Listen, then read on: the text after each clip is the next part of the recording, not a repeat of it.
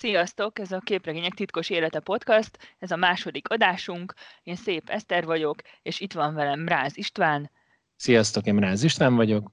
És már is egy hazugsággal kezdtük a podcastot, mert nincs is itt velem az István. István tök messze van, ugyanis külön izoláljuk magunkat társadalmilag, de ez nem akadályoz meg abban, hogy beszélgessünk képregényekről, és a második részben a hősökről való beszélgetést folytatjuk, és egy szokatlan hőst veszünk gorcső alá, mégpedig az Inkálban megtalálható főszereplőt, illetve az Inkál című képregényben megtalálható további hősöket. És mielőtt még ebbe belevágunk, röviden visszacsatolnék az előző adásunkra, amire hála Istennek egy csomóan mondhatok visszajelzést, ezekre igyekszünk is építeni, mivel most nem egy stúdióban vagyunk, hanem összeköt bennünket a Skype, ezért nem tudom én most, hogy milyen lesz az adás minősége, de nagyon bízom benne, hogy kiváló.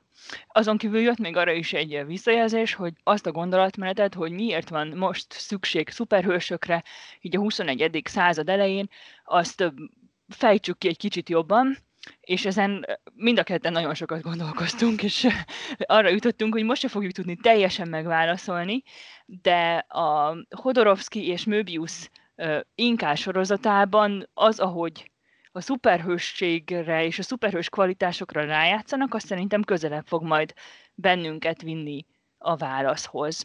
És igazából az inkál az egy olyan világban játszódik, ahol nagyon nagy a káosz, erről majd mindjárt beszélünk, és így nagyon jót tenne neki, ha egy szuperhős így megrázná, és rendet tenne benne, de ehelyett nekünk csak egy bolond a főhősünk, akit Diffulnak is hívnak. És amikor jegyzeteltem, erre az adásra, akkor azt írtam föl, hogy ma az a népszerű a szuperhősökben, hogy a szuperhősök sötét oldalát igyekszünk megismerni, hogy mik a félelmei, hogy mik motiválják, miből épül föl a szuperhős, eleve egy ilyen bálvány, ami már félig ledöntött bálvány, és e, ezzel a sok nehézséggel fogadjuk el ma hitelesnek a szuperhőst, és azt írtam föl, hogy az Inkál parodizálja ezt a szuperhősséget, és ez azért érdekes számomra, mert néztem egy interjút Möbiusszal, azt mondta, hogy ő, amikor az Inkált rajzolta, elkezdett gondolkozni azon, hogy milyen hőssel tud azonosulni a modern olvasó. Egy olyan hőst csinált Difful alakjában, aki nem akar megérteni semmit, aki mindent tagad, az, ahogy így vonszolja a kaland a hőst, ez az, ami által tudunk vele azonosulni. Képregényt a kezekbe, ez is most úgy fog történni, hogy az István képregénye nálam van, úgyhogy én István képregényét bőszem fogom laposgatni. Na nézzük, beszéljünk először arról, hogy miről szól az inkál. Borzasztóan nehéz megmondani, hogy, hogy miről szól, mert nagyon egyszerűen le lehetne arra fordítani, hogy a fény és a sötétség örök párharcáról, és ezzel egyébként mindent el is mondanánk, és ugyanakkor nem mondanánk el semmit, hiszen rengeteg ilyen apró sidequest van tele a képregény, és a karaktereknek is voltak éppen mindegyiknek van egy ilyen mini-mini története benne, amelyeknek egyenként van tanulsága. Létezik két ilyen mágikus, vagy megmagyarázhatatlan hatalommal bíró tetraéder. Az egyik a fehér inkál, a másik a fekete inkál, és ők testesítik meg a valóságnak a két aspektusát, az állandó dichotómiát, amiket, hogyha egyesítenek, akkor megjelenik egyfajta tökéletes egység. Hőseink ezt a tökéletes egységet megőrizve próbálják az univerzum gonosz erejét, a technopapok által az univerzumra szabadított sötétséget megsemmisíteni. De amin végig nagyon jól szórakoztam, az az, hogy milyen nehézségek lesznek. Például amikor ezek a technopapok újra és újra megjelennek, azok nekem mindig nagyon üdítőek voltak. Azt így sose tudtam, hogy mi fog következni, vagy nem is próbáltam kitalálni, hogy mi fog következni. Felismertem benne, hogy igazából paródiája a kalandorságnak néhány helyen az inkál szatirikus, mint mondjuk a középkorban Rablénak a, a Pantagruelje volt. A saját korában nagyon népszerű műfajt, a lovagregényt vette alapul, és azt hajtotta a végletekig, úgyhogy teljesen kifacsartá tette az egészet. Az inkább ugyanezt teszi a tudományos fantasztikummal, egy olyan módon teszi, hogy nagyon sok ilyen ezoterikus vagy spirituális utalást tesz különféle szent szövegek vagy, vagy ilyen okkult szövegek felé, és ezzel így megpróbál megpróbál egyfajta általános emberi bölcsesség felé elmozdulni. Egy olyan tanmese, ami miközben borzasztó humoros, megpróbál egy ilyen szent szöveggé is válni. Egyszerre tudjuk magunkat kinevetni, miközben olvassuk, közben rengeteget tanulhatunk is magunkról, ez újra és újra megismételve, egyre újabb és újabb rétegek tárulhatnak fel. A könyvnek is ilyen a szerkezete, hogy amikor a végére érsz, akkor voltak éppen visszakerülsz az elejére, és újra és újra belefoghatsz ebbe a kalandba. Nekem az érdekes volt, hogy azt mondtad, hogy ez egy tanmese is, meg egy paródia is, mert nekem nagyon nehéz volt olvasni ezt a gyűjteményes kötetet, amit kölcsönadtál. Tehát sokkal tovább tartott eltrágni magamat az egyes részeken, mint ahogy számítottam rá. Ennek a 300 valamennyi oldalnak az első felét igazából nem is tudtam élvezni, mert azt éreztem, hogy jön egyik karand a másik után, hogy van benne minden, egy high-tech világ, főgonosz, főgonosz kettő, főgonosz három, mindenféle politikai érdek, egyik sincs rendesen elmagyarázva, nyilván van benne mesztelencsa is, a közepén kiderül, hogy meg kell mentenie a világot a bandának, mire ez összeállt, addigra én már annyira kifáradtam, és úgy éreztem, hogy nem tudom, hogy hova fog eljutni ez a sok gondolat. Ugyanakkor a második feléről, amikor már ezt így összehozta, addigra meg már elkezdtem értékelni. És ugyanígy a második felére szoktam meg azt is, hogy a szifit azt csak paródiaként fogja felvillantani a szöveg, és vizuálisan meg szintén egy ilyen sci paródiáról van szó szerintem, mert az a két egymásba csúsztatott piramis, az is így, ez, milyen űrhajó ez? Tehát az egy paródia szerintem, hogy, hogy ez az űrhajójuk. Azért sem egyszerű olvasni egyébként ezt a képregényt, mert eredetileg ez egy filmnek készült, Hodorovsky akart készíteni egy dűne adaptációt, majd aztán kiderült, hogy nem is annyira a műnek, hanem inkább a mű alapján ő tovább ment volna, és inkább egy ilyen teljesen saját olvasatot valósított volna meg. Mivel annyira nagy volt ez a projekt, ez nyilvánvalóan financiális okokból elbukott. Ennek a filmnek már maga a Möbius volt a storyboard artistja. Hodó rájött, hogy Möbius mindent meg tudna valósítani, amit ő megálmodott, és hát ő már amúgy is csinál ilyen képregényeket, akkor csinálják meg képregényben. Nem tudom, hogy melyik melyiket terelgette a munkafolyamat során, de az biztos, hogy ugye, amit te is mondtál, hogy sokkal olvashatóbb a műnek a vége.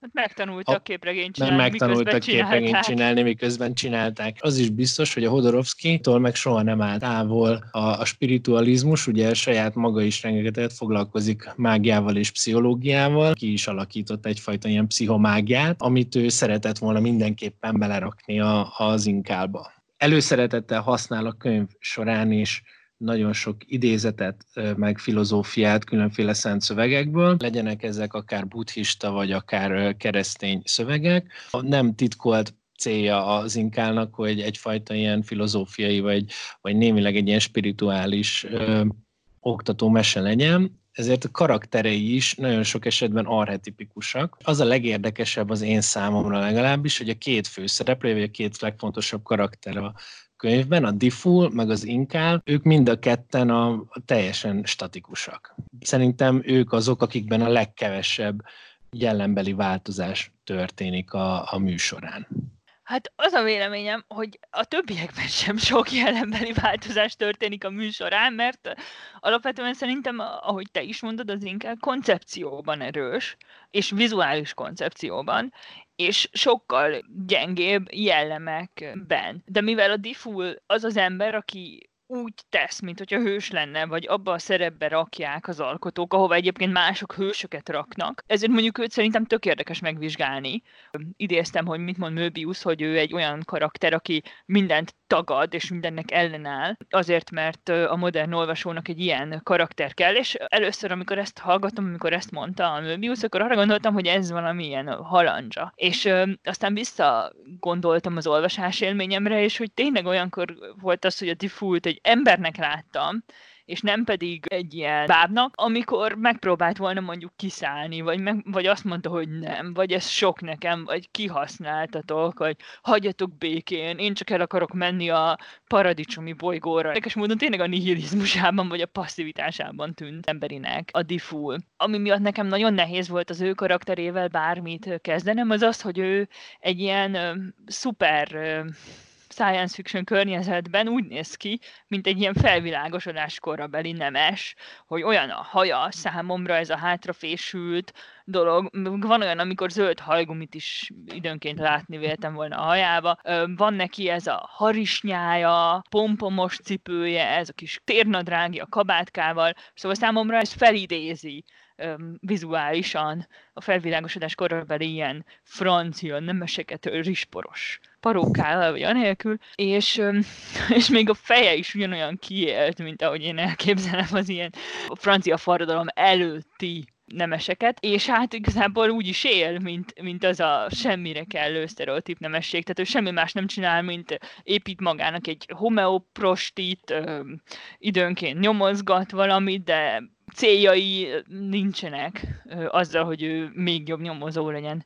Aztán végül ez a fajta báb ember lesz az, aki megcsinálja azt a forradalmat, amivel felbojdul minden. Számomra ez nehézség volt igazából az olvasás során, hogy mit kezdjek én egy olyan hőssel, aki ennyire ellentmond annak, amit én elvárok attól, hogy hogy nézzen ki egy hős. Ő egyáltalán nem egy ember, hanem ő egy ilyen médium, ugye egy sokszoros médium ugye az egész műsorán. Egyrészt ugye az inkálnak a médiuma, és az inkább ugye egy csomószor megszállja, és akkor viszi véghez a hősies meg a csodás dolgait. Ő egy ilyen kifejezetten ronda karakter, durva vonású arca van, és amikor megszállja az inkál, akkor így megszépül, akkor hirtelen jó képű lesz, és lesz egy ilyen kisugárzása, egy ilyen aurája.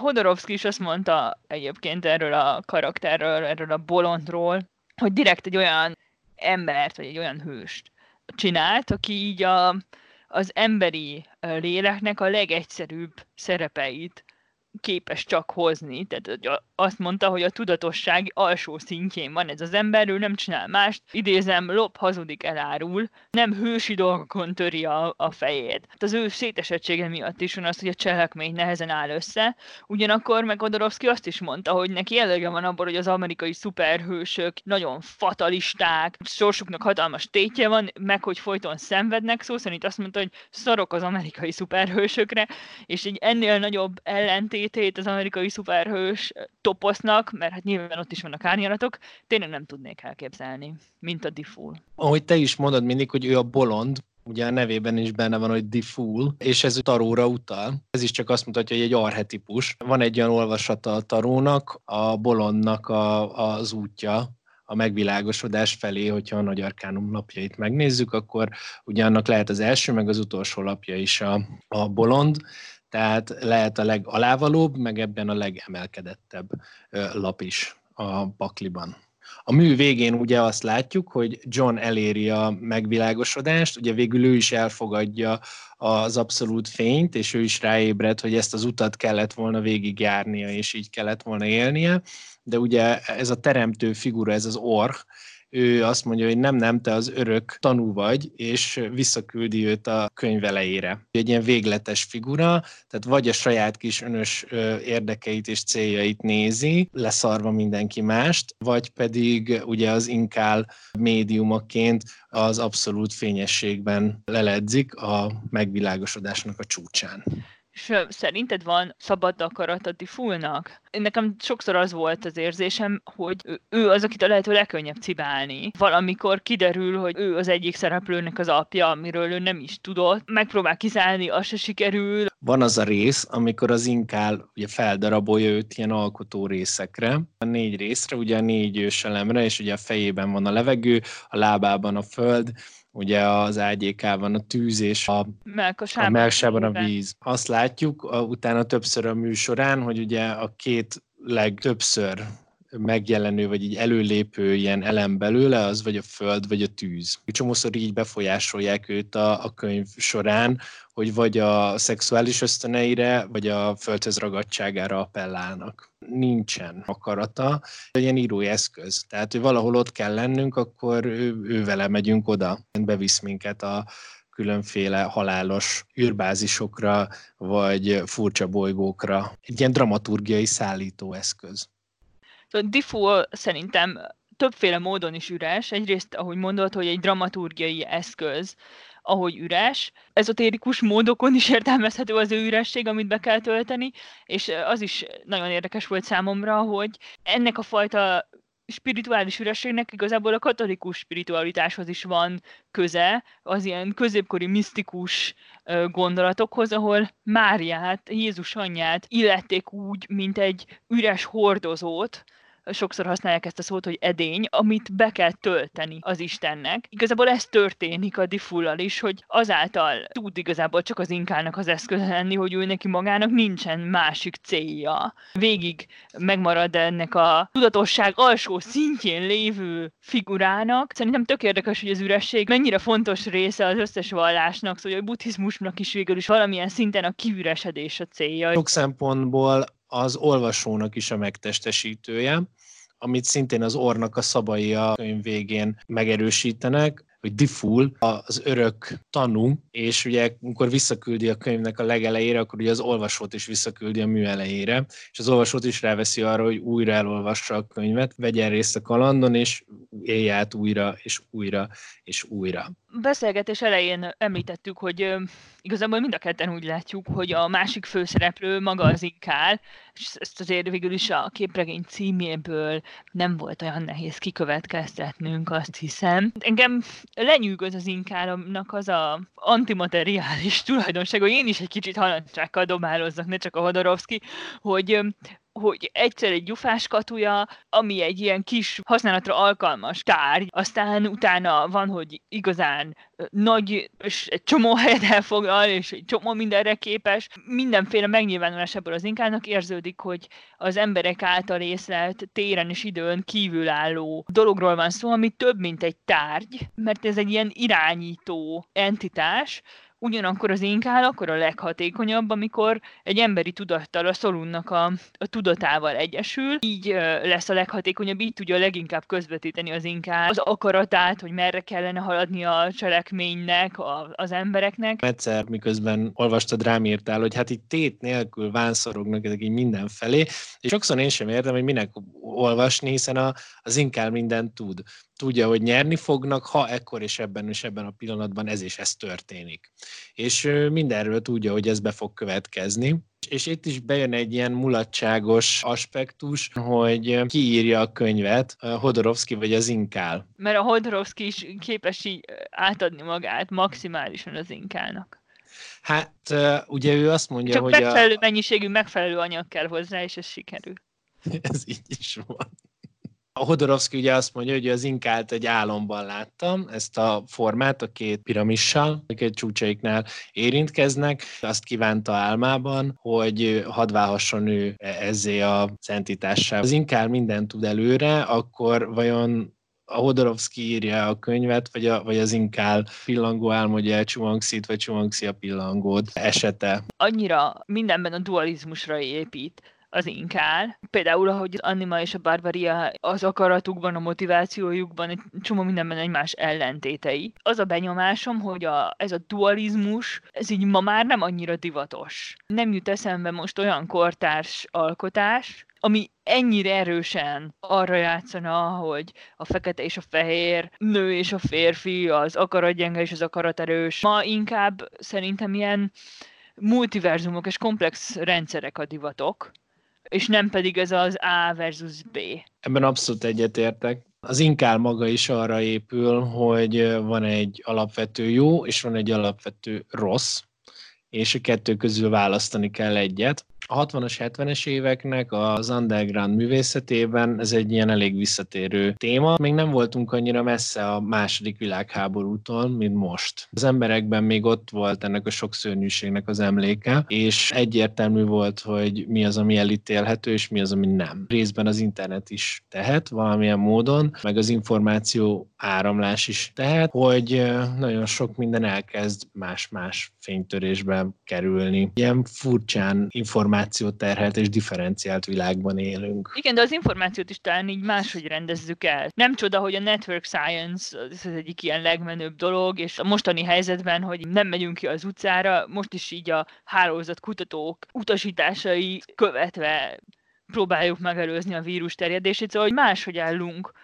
hozzához, hogy milyen összefüggések vannak. Szerintem ma azt gondoljuk, hogy egy hálózatszerű formában vannak az összefüggések, és nem pedig lineárisan. Tehát például az Avengers film, és elkezdtem szuperhősözni, hogy, hogy ezt semmiképp nem el ki. Úgy újra vették az utolsó részét, hogy így visszamentek, és átmahináltak mindent, és új összefüggéseket hoztak létre, tehát hogy úgy hálózatban rendeződik a tudás, és itt az inkában meg így mennek, mennek, mennek, mennek, mennek. És hogy lehet, hogy azért volt ez számomra ilyen fárasztó, mert már olyan rég nem olvastam valamit, tehát kandidba mennek ennyit egy irányba. Ez a modell volt számomra idegen talán. Ma már szokatlan ez. Talán azt kellene mondani, hogy mi távolodtunk el tőle időben annyira, hogy nehezebb már talán érteni, és némileg magyarázni kell, de érdemes átállítani az agyunkat az inkálnak a hullámhosszaira, vagy nem is tudom, hangulataira, vagy Te nem olvasod tudom, az inkát, vagy az inkál olvas téged? Na. Igen, ez egyébként egy nagyon jó kérdés. De, de tényleg, tehát én, ahányszor a kezembe veszem az inkát, és elkezdem olvasni, minden egyes alkalommal, én is így kerül az első száz oldalnál ilyen ideges vagyok. Utána, hogy így haladok benne, csak rájövök, hogy nem, ez, ez, ez így kb. direkt ilyen, még akkor is, hogyha nem direkt, de hogy pontosan a végkifejlettel valahogy ilyen indokoltá válik, hogy ennyire szétesett az eleje. A hátrányból csinál előnyt valahogy a végkifejletnél. Egyébként a végkifejlet számomra nagyon-nagyon jó érzés volt, valószínűleg azért, mert most is arra van szükség, hogy a társadalom valamilyen cél érdekében egyként cselekedjen, és ugye az inkának is az a megoldása, hogy ez egy hatalmas spoiler lesz, úgyhogy előre is elnézést kérek, hogy az egész világon az összes embernek össze kell fognia ahhoz, hogy ne legyen világvége, és hogy ezt két lépcsőben érik el. Először is az emberiségnek 24 nap alatt meg kell tanítani, hogy hogyan tudnak egy ilyen bizonyos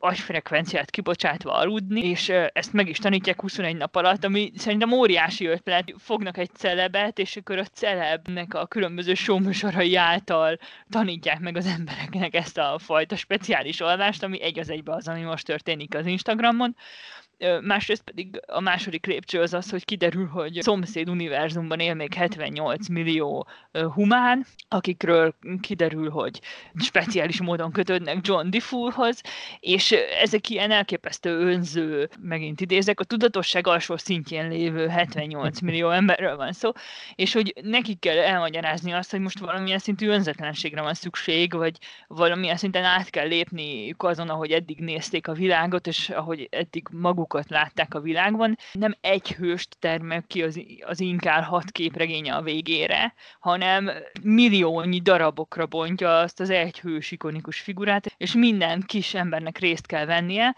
ami számomra így nagyon rezonált arra, ami ma történik így a koronavírusos bolygón.